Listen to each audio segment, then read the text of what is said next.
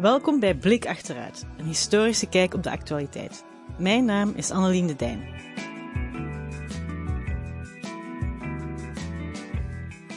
Het gaat niet goed met de democratie. In Nederland is het vertrouwen in de overheid gekelderd sinds de uitbraak van de coronacrisis. Maar ook voor maart 2020 leek de kloof tussen burgers en politici steeds meer te groeien. Hoe kan die kloof tussen burger en politiek weer worden gedicht? Kunnen we daarbij iets leren van eerdere pogingen om de werking van de democratie te verbeteren? Zoals bijvoorbeeld de golf van democratische innovaties aan het begin van de 20e eeuw. Daarover ga ik vandaag in gesprek met Eva Rovers, cultuurhistoricus en auteur van het boek Nu is het aan ons. Oproep tot een echte democratie, dat recent bij de correspondent verscheen. In dit boek houdt Rovers een pleidooi voor burgerberaden, een vorm van burgerparticipatie waarbij hete politieke hangijzers worden voorgelegd aan gewone burgers in plaats van verkozen beroepspolitici. Onder het motto: politiek moet je niet uitsluitend overlaten aan politici. Eva, van harte welkom. Heel leuk uh, dat je vandaag kon aanschuiven. Dankjewel. Um, ja, heel fijn. En uh, voor onze trouwe luisteraars, René Koekoek um, kon er vandaag helaas niet bij zijn, want die is ziek. Uh, René, veel beterschap gewenst. Eva, um, ja, ik, we hebben hier je boek voor ons liggen. Het ziet er ook nog eens heel mooi uit. Um, en als ik heb begrepen, is het een, een echte bestseller geworden. Maar voor de luisteraars die het boekje nog niet in de handen hebben gehad, kan je ons iets meer uitleggen over het centrale onderwerp burgerberaden. Wat zijn burgerberaden eigenlijk? Hoe stel je zo'n burgerberaad samen? Um, waarvoor, wat is, wat is het doel van die uh, burgerberaden? En een vraag die ik, die voor mij eigenlijk uh, bijzonder prangend is, waarom hebben we het over burgerberaden en niet over burgerraden? Kijk, ja, dat, die ga ik beantwoorden terwijl ik de andere vragen beantwoord. Um, maar dat is een hele goede inderdaad. nou, een burgerberaad is een, um, een groep geloten inwoners. vaak gaat dat over 100, 150 mensen. die worden ingelood, uh, zodat ze een goede dwarsdoorsnede van de samenleving vormen. Dat kan, die samenleving kan de stad zijn, kan een gemeente zijn, maar kan ook landelijk zijn. En die groep mensen die buigt zich over een maatschappelijk probleem. En dat probleem wordt vaak voorgelegd door de politiek. Dus de politiek zegt: wij komen ergens niet uit, of wij hebben de hulp van inwoners nodig. En we willen graag van de samenleving horen hoe zij hierover denken en welke aanbevelingen zij doen rond dit onderwerp. Bijvoorbeeld, klassiek voorbeeld is uh, het burgerberaad in Ierland uit uh, eh, 2016. Uh, eh, Ierse samenleving was al decennia extreem verdeeld, gepolariseerd rond abortuswetgeving zowel politiek gepolariseerd als maatschappelijk gepolariseerd. En um, politici durfden daar eigenlijk gewoon hun vingers niet meer aan te branden om die abortuswetgeving aan te pakken. Uh, er waren referenda georganiseerd. Nou, die leidden alleen nog maar tot meer polarisatie. En uiteindelijk is vanuit de samenleving eigenlijk een aanbod tot hulp gekomen. Dus ze hebben een aantal uh, inwoners gezegd: misschien kunnen wij als samenleving jullie politiek helpen. En dat betekende een burgerberaad. En toen hebben honderd uh, geloten Ieren zijn vijf weekends samengekomen. Die hebben met elkaar gepraat. Die hebben zich beraad, beraden over, uh, over uh, die abortuswetgeving. Hebben geleerd van artsen, van, van juristen, van belangengroepen, van ervaringsdeskundigen. Dus vrouwen die met die wetgeving te maken hadden gehad. En al die kennis, al die perspectieven, die hebben ze in zich opgenomen. Daarover hebben ze met elkaar gepraat hebben ze, um, uh, en hebben ze geprobeerd om aanbevelingen te formuleren. Die zijn vervolgens weer aangeboden aan de politiek.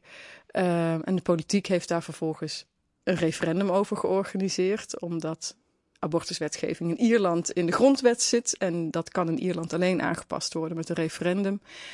Nou, dan zou je zeggen, in het verleden waren die referenda in Ierland nog polariserender. Dus hè, wat is er nu gebeurd? Mm Nou, heel opvallend dat dus dat referendum na dat burgerberaad leidde tot dat bijna 70% van de Ieren instemde met het voorstel van het burgerberaad, namelijk om die abortuswetgeving radicaal te versoepelen. En nou, dat was een zeer grote verbazing voor iedereen. Zowel voor de deelnemers als voor de Ieren, maar ook wereldwijd. Dat mensen echt dachten, wat is hier gebeurd? Hè? Dat in uh, een land wat zo verdeeld is geweest onder, over één onderwerp op deze manier dus toch uh, consensus is bereikt, grondwet is aangepast. En zonder dat de politieke koppen rollen, zonder dat die polarisatie verder verdiept is. Dus um, ja, dat is een heel mooi voorbeeld van hoe zo'n burgerberaad uh, kan werken. En het doel is dus inderdaad ook om uh, oplossingen of aanbevelingen te formuleren voor problemen waar de politiek niet uitkomt. Uh, of problemen die niet goed genoeg door de politiek worden aangepakt. Denk bijvoorbeeld aan klimaat, hè. echt een lange termijn problematiek. Die, um, ja, die, die, vaak niet goed opgepakt wordt door democratisch gekozen uh, volksvertegenwoordigers. Omdat die toch iedere keer met die kortjarige of vierjarige cycli, verkiezingscycli zitten. En wat het voor hun heel moeilijk maakt om die lange termijn beslissingen te maken. Burgerberaden blijken daar heel goed toe in staat te zijn. Dus meer oog voor, het, uh, voor de lange termijn en voor het gemeenschappelijk belang. Uh -huh, uh -huh. Dus je haalt eigenlijk uh, bepaalde hete hangijzers weg bij verkozen politici, bij de volksvertegenwoordiging, ja. en je legt die bij gewone burgers die, ja, die uitgeloot worden. Dus het kan hier echt over om het even wie gaan. Hè? Dus, In principe wel, ja. ja, ja, ja. En dan moet ik er wel bij zeggen dat die loting uh, niet eenvoudig is. Dus dat is niet die gaat eigenlijk in twee uh, rondes. In eerste instantie wordt er een hele grote groep mensen gelood. Bijvoorbeeld, nou, in Frankrijk is een burgerberaad over het klimaat geweest. Daar zijn in eerste instantie 225.000 mensen ingelood. Die zijn mm. allemaal gebeld of hebben een sms'je gekregen. Um, en vervolgens van de mensen die aangeven dat ze mee willen doen, daar doe je een tweede loting op. En dan kijk je naar bepaalde kenmerken. En dat doe je om te zorgen dat de groep die van 100 of 150 die je uiteindelijk overhoudt, dat dat ongeveer evenveel mannen als vrouwen zijn, dat de leeftijdsopbouw klopt met die in de samenleving. Vooral ook dat uh, het opleidingsniveau uh, klopt met die in de samenleving, want daar zit nogal een discrepantie in met de, met de politiek. Um, uh, dat het ook geografisch goed gespreid is. Uh, nou, al, al dat soort dingen zorgen ervoor dat je veel meer perspectieven in zo'n burgerberaad krijgt. Dat het niet alleen, nou ja, heel plat gezegd, de hoogopgeleide witte oude man is die het uh, voor het zeggen heeft. Maar echt de hele meerstemmigheid die in de samenleving zit, die probeer je ook in zo'n burgerberaad te krijgen. Dus ik hoor je zeggen, zo'n burgerberaad heeft een aantal voordelen ten aanzien hè, dingen gewoon overlaten aan die verkozen politici. Um, lange termijn oplossing of lange termijn denken. Ja. Uh, dit soort uh, burgerraden zijn minder bezig met die korte cycli, moeten zich geen zorgen maken over verkiezingen. Maar ook, ik hoor je ook zeggen, um, he, daar zit gewoon een heel ander type mens in. Um, ja. Misschien, he, of uh, mensen die gewoon ja, meer weerspiegelen wat er in de bevolking in zijn algemeenheid leeft. Klopt ja. ja. klopt. En het is en en. Hè. Dus het is niet zo dat daar. Uh, uh, er zitten natuurlijk ook mensen in die wel ongeveer het profiel hebben van een gemiddelde politicus um, of ambtenaar. Maar het, het idee is wel dat je, um, dat je veel meer stemmen uit de samenleving in zo'n burgerberaad haalt. Juist om de zwakte die in de, in de democratische besluitvorming nu zit. Namelijk dat er um, dat het eigenlijk een vrij homogene groep mensen is die in de gemeenteraad zit, die in een Tweede Kamer zit. Uh, en wat weer leidt tot vaak uh, beleid met blinde vlekken, omdat gewoon bepaalde perspectieven niet meegenomen worden in beleidskeuzes. Um, en dat voorkom je inderdaad door, um, door mensen te loten en door dus inderdaad echt te streven naar zo'n afspiegeling van de samenleving. Ja. Mm, en uh, hoe je het nu beschrijft, lijkt ook iets dat je toe gaat passen op een ad hoc basis. Hè, dat is ook het eerste voorbeeld. Uh, er is een probleem waar dus uh, politici niet uitgeraken en uh, zo'n probleem wordt dan voorgelegd aan het burgerberaad. oh ja, en nog even, dus burgerberaad, om, omdat? Ja, dat, omdat ze zich beraden, beraden. op een onderwerp. Ja, okay, ja, ja, Dus, en dat beraden is heel belangrijk. Dat is, dat is ook eigenlijk een beetje waar de magie plaatsvindt in dat hele proces. Um, ja, het is belangrijk dat, ze, dat die mensen goed geïnformeerd worden. Maar het is eigenlijk nog veel belangrijker dat ze, een, uh, dat ze de tijd en de ruimte hebben om zich te beraden, om met elkaar in gesprek te gaan. Omdat je ziet dat.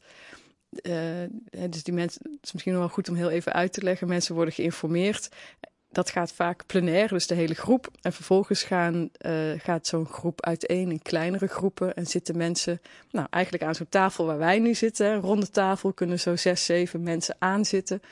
Um, en in die kleinere groepen beraden die deelnemers zich. Um, en dat betekent dat ze met elkaar in gesprek gaan, dat ze misschien naast of tegenover iemand zitten die een compleet andere politieke opvatting heeft, die een heel andere uh, culturele of ideologische uh, achtergrond heeft. Maar aan die tafels komen ze er vaak achter dat ze veel meer met elkaar overeenkomen dan dat ze van elkaar verschillen. Hmm. En daarom is dat beraden zo belangrijk. Het wordt ook wel deliberatieve democratie genoemd, overlegdemocratie.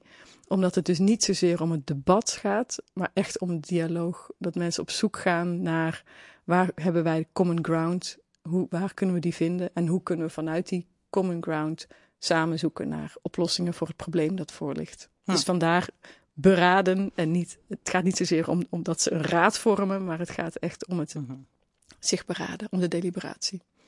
Helder. En dus, um, ja, om nog even terug te komen, de vraag waar ik aan begonnen was, uh, voordat we overschakelen naar het beraden.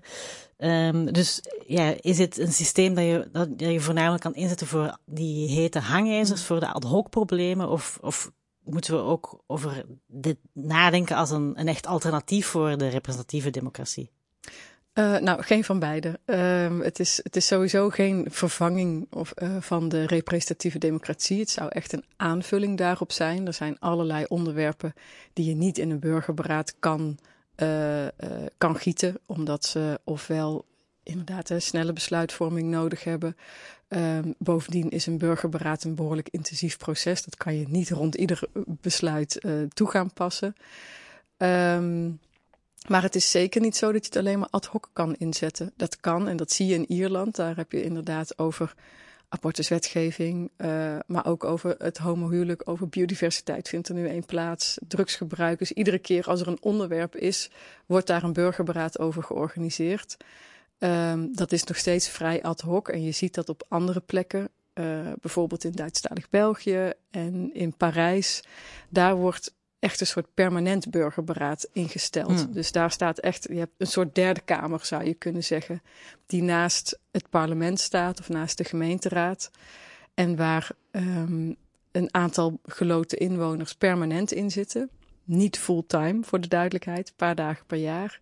En dat permanente burgerberaad gaat um, onderzoekt eigenlijk welke onderwerpen um, een, een, een ad hoc burgerberaad nodig zouden hebben.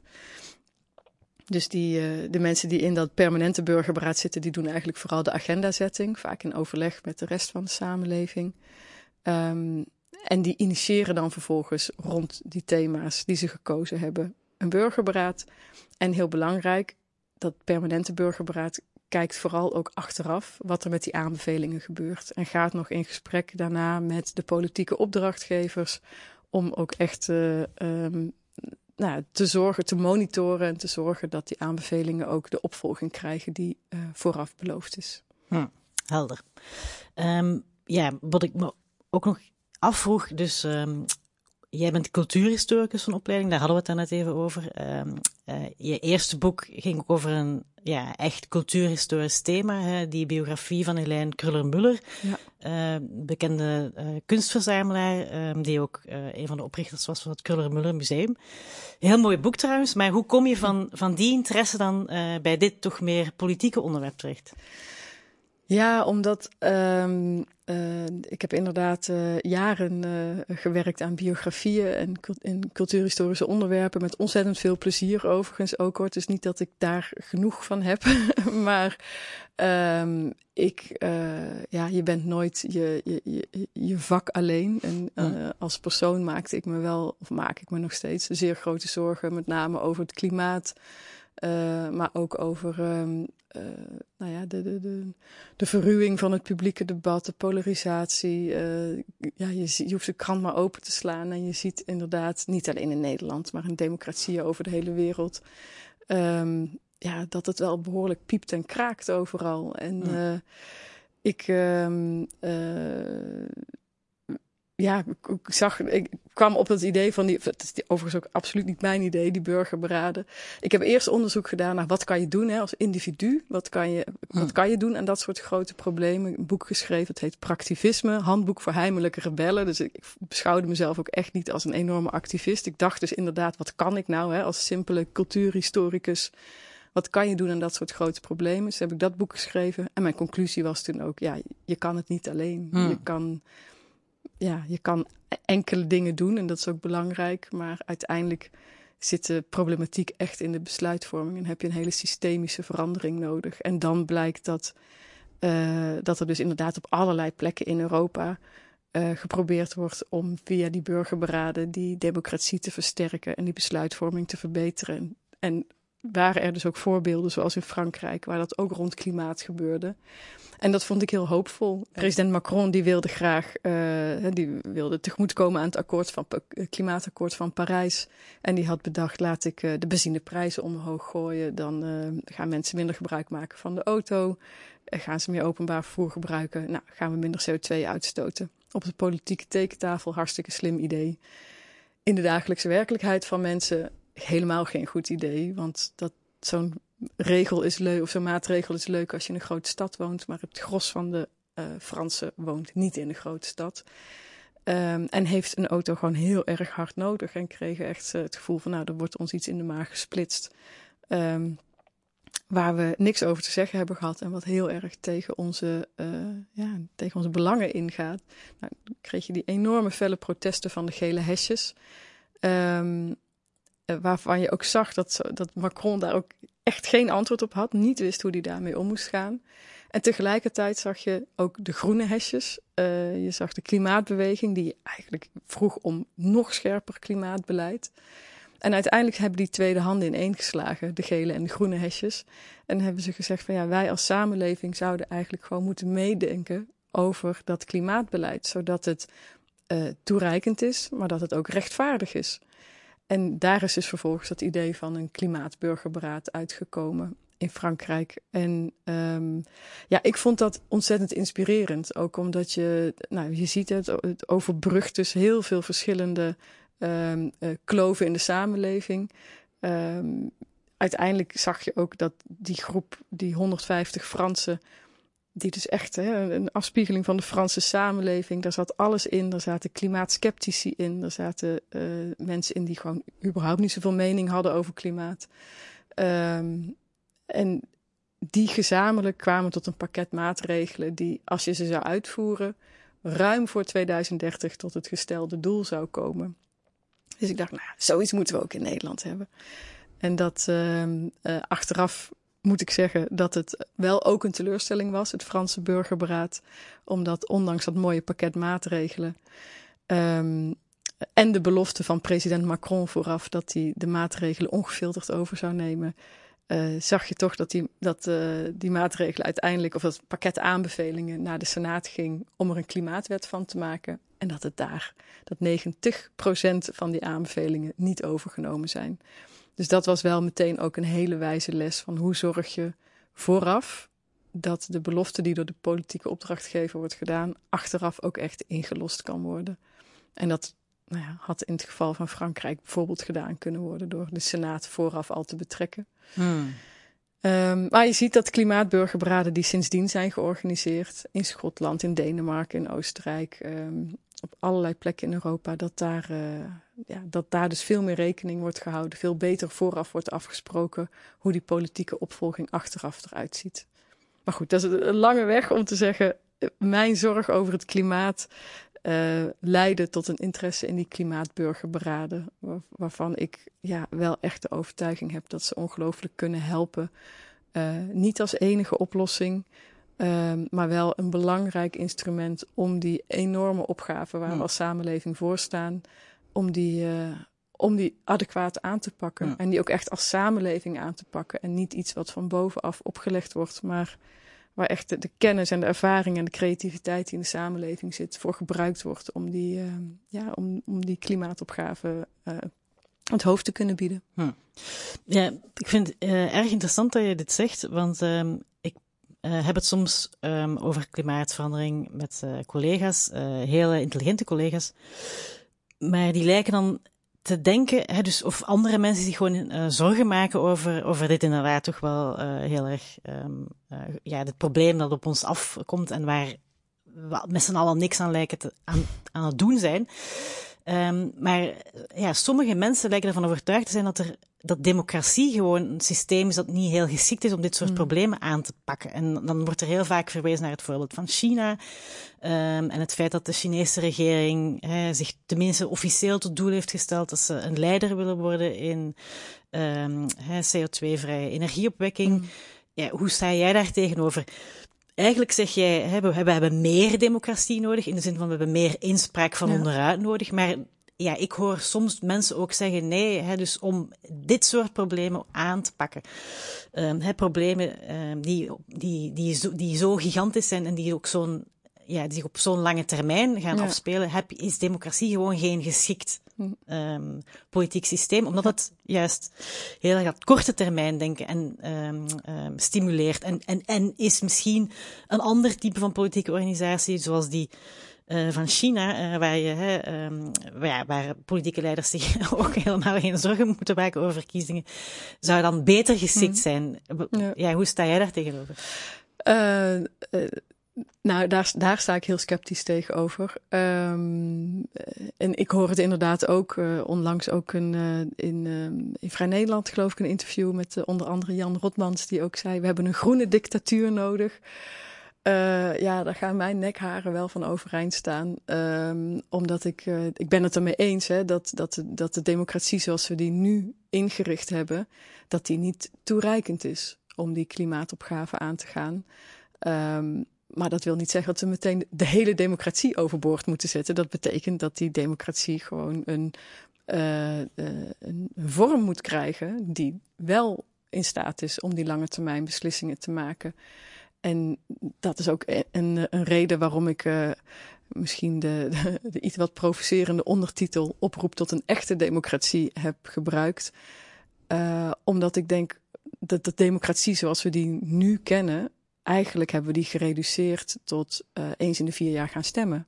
Een democratie is echt wel wat meer dan alleen één keer in een paar jaar gaan stemmen. Een democratie wil zeggen dat je als samenleving, dat inwoners meedenken, meepraten, meebeslissen over de grote onderwerpen, meepraten en meebeslissen over hoe je een land vorm wil geven, hoe je je als land tot de wereld wil verhouden. Dat, en daarom inderdaad, dat moet je niet alleen aan politici overlaten. Niet omdat ze dat niet kunnen, maar vooral omdat ze dat niet alleen kunnen. Omdat je daar echt um, de, um, de inbreng van de samenleving bij nodig hebt. Omdat er gewoon zo ongelooflijk veel kennis in die, en ervaring in die samenleving zit. Uh, maar ook omdat je het op een rechtvaardige manier wil doen. En ja, dan kan je zeggen, uh, kijken naar China. Uh, daar zijn ze inderdaad hard bezig om op het gebied van, van zonne-energie. Maar tegelijkertijd is China een van de allergrootste vervuilers op dit moment. Dus ja, ze doen wat met zonne-energie en alle, alle respect daarvoor. Maar tegelijkertijd is het een van de allergrootste vervuilers ter wereld. Dus om dat nou als, als lichtend voorbeeld te nemen. Bovendien kan je afvragen of je in een land wil wonen waar dat inderdaad, dat, waar het alleen maar van bovenaf besloten wordt. Wat voor samenleving leef je dan? Hebben we, wat voor rechtvaardigheid, wat voor gelijkwaardigheid, wat voor allerlei democratische principes die we volgens mij allemaal ook wel heel belangrijk vinden, gooien we dan overboord. En misschien, um, uh, nou ja, minstens zo overtuigend vind ik ook onderzoek dat is gedaan um, naar Want dit is natuurlijk een, een, een argument dat vaker, of, of een, een, een, overweging die vaker naar voren wordt gehaald. Van moeten we niet inderdaad, uh, hebben we niet gewoon minder democratie nodig? Nou, er is onderzoek gedaan dat ook uh, laat zien dat je, um, uh, nou, sowieso dat, dat dictaturen of autocratieën, dat er geen enkele aanwijzing is dat die meer voor het klimaat doen en dat het juist het tegenovergestelde waar Hm. is. Dus hoe meer democratie, hoe meer klimaatbeleid. Dus alleen dat al lijkt me een reden om Ja. uh, daar, dat, de, die democratie in ieder geval voorlopig nog even niet op te geven. Maar wel om daar een hele serieuze uh, verandering in aan te brengen. Want als we inderdaad kijken, begin 20e eeuw heeft onze democratie een, een paar flinke updates gehad. Eind 19, begin 20e eeuw. Het, uh, uiteindelijk ook uh, uh, niet alleen rijke mannen mochten stemmen, maar ook uh, nou, hè, algemeen stemrecht en, en vrouwenkiesrecht is natuurlijk, dat zijn echt de grote veranderingen geweest in de democratie op dat, in, die, in die periode. En eigenlijk hebben we opnieuw zo'n soort grote herziening van de democratie nodig. En dat is niet een beetje tweaken in de marge. Dat betekent gewoon echt een, een, een hele fundamentele herziening van wat we onder democratie verstaan. En dat betekent dus inderdaad um, inwoners veel meer betrekken uh, bij besluitvorming. Oké, jij zegt dus um, als we problemen zoals klimaatverandering willen aanpakken, dan hebben we meer democratie nodig, niet minder democratie. Ja. Uh, maar er is ook nog een ander punt van kritiek uh, dat soms wordt gegeven op het idee van burgerberaden en democratische innovaties die daarmee samenhangen. En dat is dat er eigenlijk helemaal niks mis is met uh, onze democratie. En dan denk ik in het bijzonder aan de argumenten van collega's zoals Toon van der Meer, hè, van de politicoloog aan de UvA. Um, ja, hij stelt eigenlijk, er, is niks aan de hand. Um, Zeker in een land als Nederland is het vertrouwen in de overheid eigenlijk hoog. Uh, Oké, okay, um, dat is gedaald door de aanpak aan de, van de coronacrisis. Niet heel onbegrijpelijk. um, maar het is te verwachten dat het een soort van tijdelijke dip zal zijn en dat het vertrouwen zich dan vanzelf zal herstellen. Uh, dat zien we nu ook al min of meer gebeuren. Dus, dus er is, ja. vanuit die optiek is er gewoon niks aan de hand. Hmm. Um, is er geen kloof tussen burgers en politici? Um, en, en is er ook geen reden om, om iets te willen gaan ja. doen met onze democratie? Hoe zou jij daar dan op uh, reageren? Nou, ik geloof sowieso dat hij er iets genuanceerder over denkt dan dat. Hij heeft over, overigens ook het boek meegelezen. Hij was een, uh, een kritische meelezer. Daar ongelooflijk veel aan gehad ook. Um, en terecht hè, zegt hij inderdaad, uh, het is niet zo dat Nederlanders geen vertrouwen in de democratie hebben. Het is inderdaad heel hoog als je het vergelijkt uh, ook met, uh, met andere Europese of überhaupt met andere landen. Dus vertrouwen in die democratie is, is, is relatief hoog. Um, maar het vertrouwen in politici is echt aanzienlijk minder. En dat zijn natuurlijk twee verschillende dingen.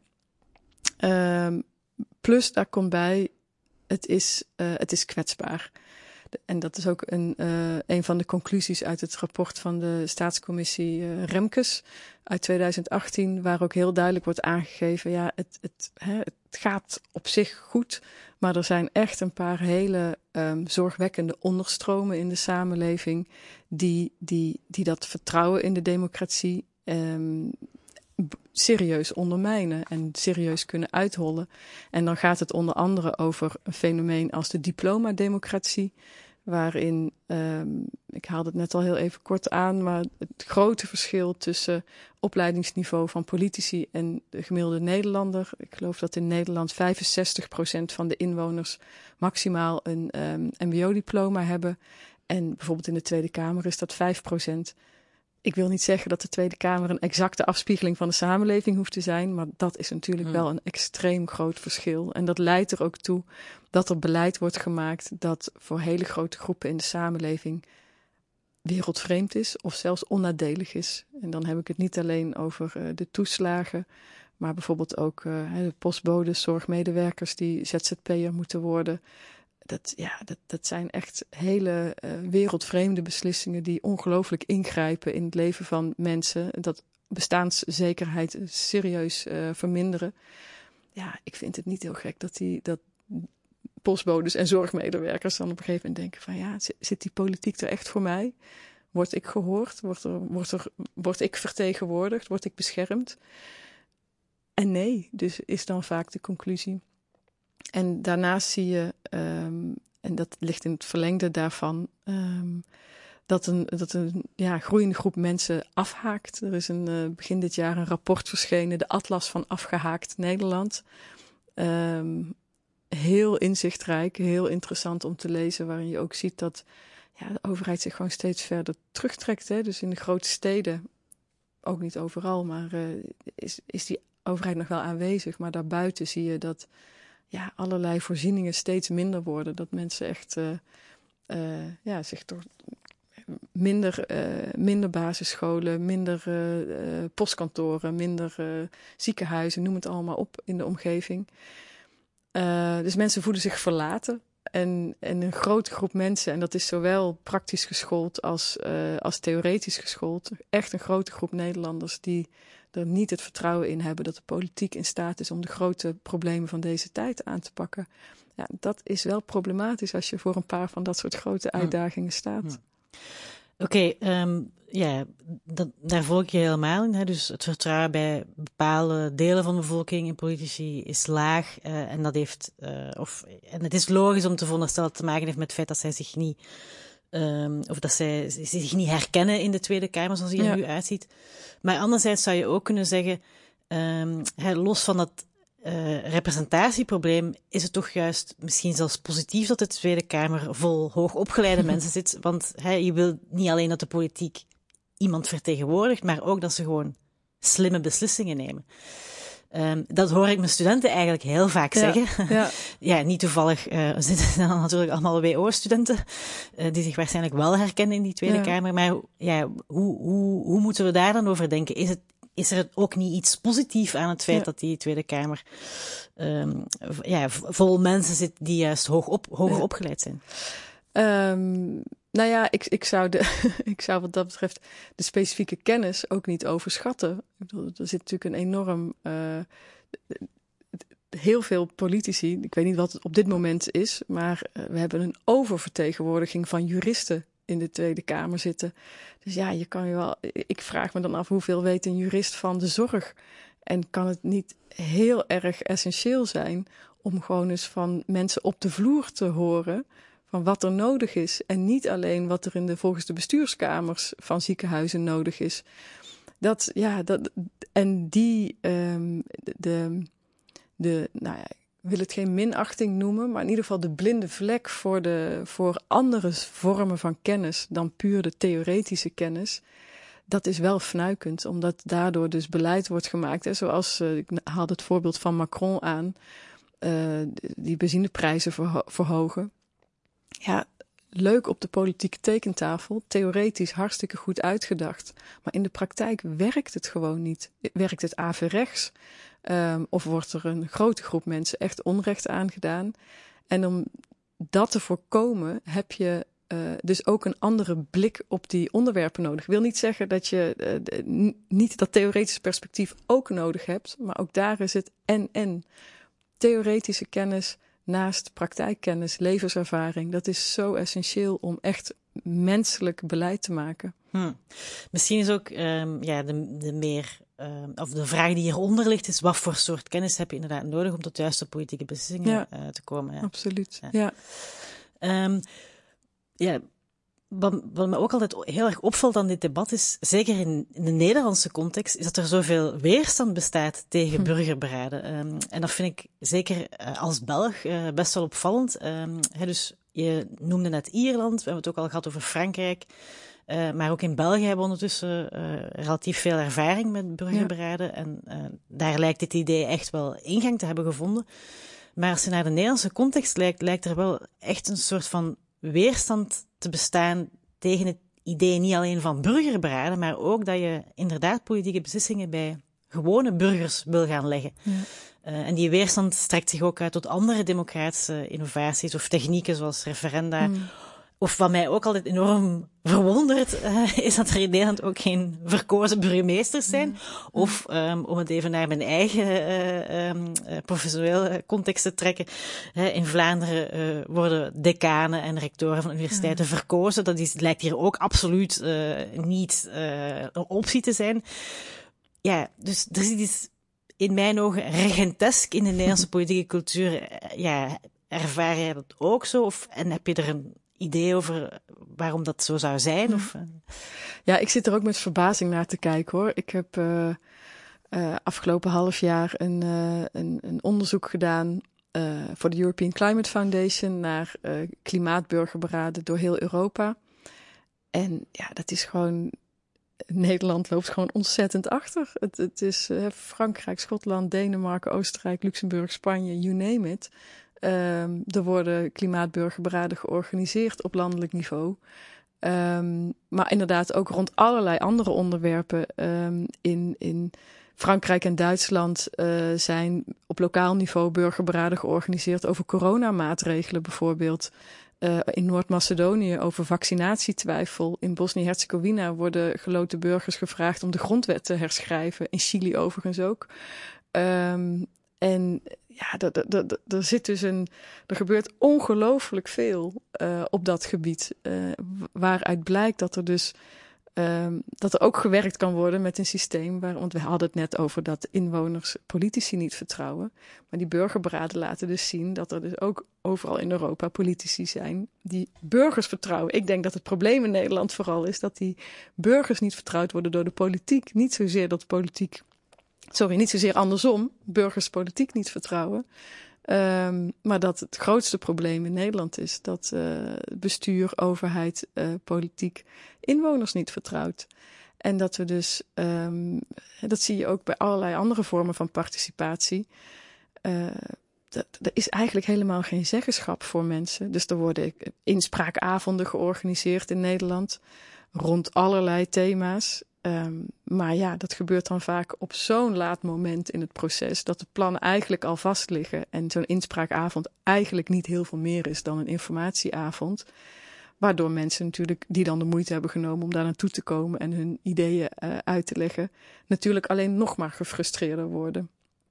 Dus, die, uh, dus aan de ene kant zou ik zeggen, ja, het lijkt alsof die Nederlandse politiek, Nederlandse overheid daar inwoners niet genoeg vertrouwt niet genoeg beseft wat een bron aan kennis en ervaring er in de samenleving zit. Maar er is denk ik nog een ander element en dat is het poldermodel. dat is natuurlijk echt ongelooflijk Nederlands, uh, waarbij eigenlijk aan, uh, ja, aan allerlei belangengroepen wordt gevraagd om mee te denken en, en, en ook vaak, nou ja, goed, hè, mee te beslissen dan nog net niet, maar in de praktijk komt het daar wel op neer. Uh, neem het klimaatakkoord dat we in Nederland hebben gesloten in 2018. Ja, daar zitten dan. Uh, dat, dat is echt door de polder is dat, uh, is dat tot stand gekomen. En dan zie je dat allerlei hè, grote bedrijven, Shell, Tata Steel, you name it, samen met belangengroepen zoals Greenpeace, Milieudefensie, de Fietsersbond, de vakbonden, noem het maar op, die zitten allemaal aan tafel en die gaan met elkaar bedenken um, hoe, uh, hoe zo'n klimaatakkoord eruit zou kunnen zien. Nou ja, wie zit er daar niet aan tafel? De wetenschap zat daar niet aan tafel. Heel wonderlijk. Maar ook burgers niet. Dus burgers hadden geen, op geen enkele manier daar een, een, eenzelfde soort stem als die belangengroepen en, um, en het bedrijfsleven. En dat is natuurlijk heel erg gek, maar wel heel erg typisch voor hoe het gaat in Nederland. Dus, en wat het probleem is, het is natuurlijk prima hè, dat, dat die groepen met elkaar in gesprek gaan. Um, maar zet er op zijn minst burgers bij. Maar wat ik vooral zo problematisch aan dat poldermodel vind, is dat het uiteindelijk altijd een soort uitwisseling van belangen wordt. Ik geef hier een beetje toe, hmm. dan moeten jullie daar een beetje toegeven. En dan komen we ergens in het midden, komen we misschien wel uit. Maar dat ergens in het midden, dat compromis, dat is goed voor die mensen die aan tafel zitten. Maar is dat ook goed voor het gemeenschappelijk belang? Mm. Dat, is niet, dat is niet het leidende principe, het gemeenschappelijk belang. Mm. En dat is dus, dat vind ik echt een heel groot nadeel van het poldermodel. En als jij dus anders lopen bij burgerberaden, waar om, en heeft dat dan te maken met de, het feit dat de mensen die daar aan tafel zitten, daar juist niet zitten als vertegenwoordigers van een bepaald belang? Absoluut. Um, maar hè, als gewone individuele burger zou je kunnen zeggen. Ja, ja. ja en dat, dat blijkt ook uh, uh, uit onderzoek. Michael McKenzie, Canadese onderzoeker, heeft mooi onderzoek gedaan naar um, zijn zijn burgers in staat om inderdaad boven hun eigen belang uit te stijgen? Zijn burgers dan wel in staat om die lange hmm. termijn in de gaten te houden? Ja, volmondig ja. Als je mensen de tijd en de ruimte geeft en onafhankelijke gespreksbegeleiding, dan zijn mensen uh, heel erg goed in staat om met elkaar een gesprek te voeren en aanbevelingen te formuleren voor de lange termijn, voor het gemeenschappelijk belang, om verder te kijken dan hun eigen belang, verder te kijken dan hun eigen politieke overtuigingen. En juist heel erg te kijken van nou, hoe kunnen we aanbevelingen formuleren die dat gemeenschappelijk belang wel dienen. Omdat ze geen achterban hebben, omdat ze geen stemmen hoeven te krijgen, omdat ze niet sympathieke media-aandacht nodig hebben. En omdat ze vooral ook um, uh, daar, daar zitten als mens en gewoon kunnen nadenken van wat is, wat, wat is voor mijn kinderen of voor mijn kleinkinderen van belang. Hmm. Ik zou het ook nog heel veel met je willen hebben over um, ja, de het bredere historische kader waarin deze specifieke democratische innovatie past. Want dit is uiteindelijk toch een podcast ja. gemaakt door, en in zekere zin ook voor uh, historici. Ja. Um, want als je kijkt naar de geschiedenis van democratie, dus het is uh, natuurlijk een relatief recent politiek systeem. Mm. Hè. We, de allereerste moderne democratieën werden op het einde van de 18e eeuw ingevoerd. Um, en zeker in de Europese context heeft dat nog tot begin 20e eeuw geduurd voor we ja, echt een substantieel aantal volwaardige democratieën hadden, waar echt iedereen stemrecht uh, kreeg. Um, maar wat je tegelijkertijd ziet, is dat van bij het begin, hè, van, bij het ontstaan van die democratieën, mensen zich ook zorgen zijn beginnen maken over zijn, die, zijn onze democratieën wel democratisch genoeg. Hè? En dan, dan had hij beweging voor uitbreiding van het stemrecht. Uh, maar anderzijds zie je dat er ook geëxperimenteerd werd met innovaties, met manieren om burgers actiever te gaan betrekken. En dat er dus van in het begin eigenlijk een soort van mm. kritiek leefde op het representatieve aspect van een moderne democratie. Um, dat zie je bijvoorbeeld heel goed in de Verenigde Staten, hè, einde van de 19e, begin 20e eeuw. Um, zie je daar een beweging op, op komen. Uh, ja, de People's Party, uh, die pleit voor democratische innovaties, in het bijzonder uh, dingen zoals referenda. Ja. en die beweging is tot, ook tot op zekere hoogte succesvol. Hij zei slagen erin om zeker in het westen van de Verenigde Staten in een heel aantal staten um, ja, in de grondwet in te schrijven dat er referenda moeten komen hm. voor bepaalde, of, dat, of dat burgers zelf het initiatief kunnen nemen tot een referendum. maar waar je tegelijkertijd ook ziet, is dat die, um, die democratische innovatie er niet in slaagde om de problemen op te lossen waarvoor ze werd ingevoerd. Hm. Uh, hè, en als je kijkt naar die specifieke historische context van het Amerika van de late 19e, begin 20e eeuw, dan was het grote probleem de gigantische economische ongelijkheid en de enorme macht van onder andere de olie- en staalbaronnen. Grote bedrijven. Ja, en de grote bedrijven meer in het algemeen, die die macht ook gebruikten om het politieke proces helemaal naar hun hand te zetten. Um, en dat was ook de motivatie van die hervormers om dingen zoals referenda in te voeren. Maar wat je eigenlijk, wat historisch onderzoek eigenlijk heeft uitgewezen, is dat die referenda onmiddellijk werden gemanipuleerd en dat die, hè, het duurde echt maar een paar jaar voor uh, de grote spelers begrijpen hoe ze bijvoorbeeld hè, um, referenda konden manipuleren um, om hun eigen belangen te dienen en opnieuw weer niet het algemeen belang. Ja. Uh, bestaat er geen gevaar dat zoiets ook um, zou kunnen gebeuren met democratische innovaties zoals burgerberaden? Hmm. Um, altijd. ja, dat gevaar is er altijd. democratie is altijd in beweging. Dus uh, de, die, uh, dat, dat kan. Um, maar ik denk wel dat we uh, Europa wat dat betreft ook niet zo één op één kunnen vergelijken met, met Amerika. Waar inderdaad de, de, de economische verschillen nog veel groter zijn. Uh, waar bovendien een twee uh, partijenstelsel is. Um, um, en waar inderdaad de invloed van het bedrijfsleven van oudsher ongelooflijk groot is geweest. Um, ik denk als we. Uh, wat overigens niet, ja, waarvan ik niet wil zeggen dat dat niet veranderd kan worden hoor. Ik denk dat daar, maar dat het inderdaad heel moeilijk is. En als je het naar Nederland vertaalt, dan zie je bijvoorbeeld ook dat in de jaren 60 en 70 uh, er ja, ongelooflijk hard is gewerkt vanuit de samenleving. Heel veel initiatieven zijn geweest om inspraak te vergroten. Inspraakavonden zijn, dat, dat is niet een politieke uitvinding geweest, dat is een maatschappelijke uitvinding geweest. Um, de huurdersbelangen, de, noem het allemaal maar op. Um, in, die, in die twee decennia is, er, is, die, is de inspraak van mensen ongelooflijk vergroot. Um, op allerlei terreinen. En je ziet daarna, jaren 80, jaren 90, dat inderdaad die inspraakavonden en die andere vormen van zeggenschap allemaal ingekapseld raken in, um, in het politieke systeem. En dat is, dat is een wat minder extreme ontwikkeling als die jij schetst in Amerika. Maar in principe is het hetzelfde, um, uh, fenomeen.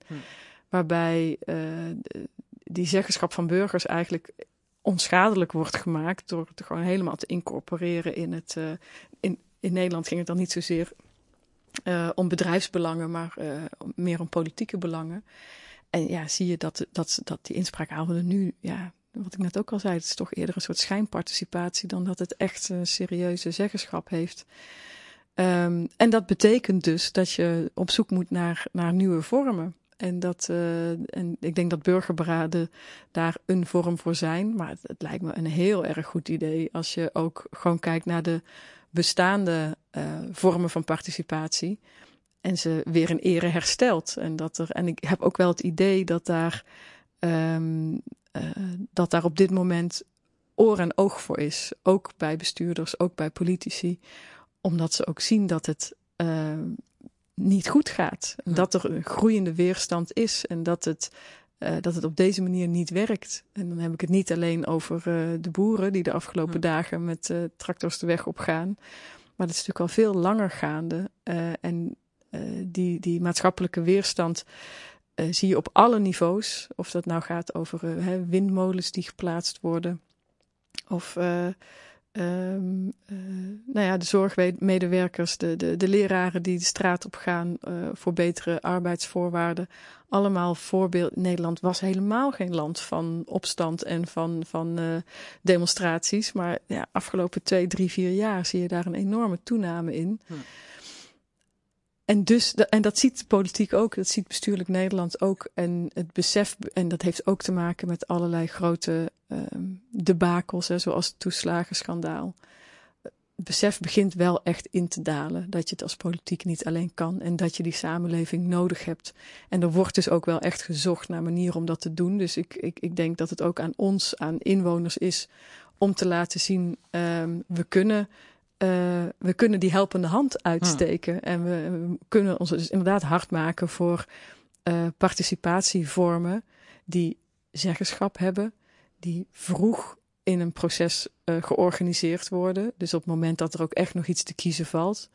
Um, maar vooral ook politiek ook op te roepen om te durven beginnen. En dat was ook een, een van de aanbevelingen van de commissie Brenninkmeijer, die onderzoek heeft gedaan naar de mogelijkheden van burgerberaden in Nederland.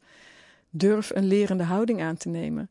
Waarom wordt er zo ongelooflijk moeilijk gedaan in Nederland over die referenda? En is het in Zwitserland helemaal geen probleem? Nou, omdat in Nederland als het één of twee keer misgaat, nou, dan, dan houden we weer mee op. Terwijl of het nou over referenda gaat, of burgerberaden, of noem het welke um, democratische uh, vernieuwing ook. Je moet dat een aantal keer doen. Hm. Je moet mensen ermee vertrouwd maken, politici ermee vertrouwd maken. Je moet vooral heel erg leren van wat er misging en het de volgende keer beter doen. En, en nou goed, de referenda werd net ook al aangehaald. Daarvan denk ik ook, waarom blijven we ons zo blind staren op zo'n heel binair uh, referendum? Waarom zouden we niet ook nadenken over meer keuzereferenda? Uh, dat polariseert een stuk minder. En je kan toch inderdaad een vorm van directe democratie toepassen, maar zonder dat inderdaad de polarisatie weer als een gek uh, toeslaat. Dus er zijn zoveel verschillende vormen te bedenken. Um, ik denk dat we zowel als samenleving als als politiek gewoon die democratische verbeeldingskracht een beetje moeten aan gaan spreken. En moeten verder durven kijken dan de vormen die we nu hebben.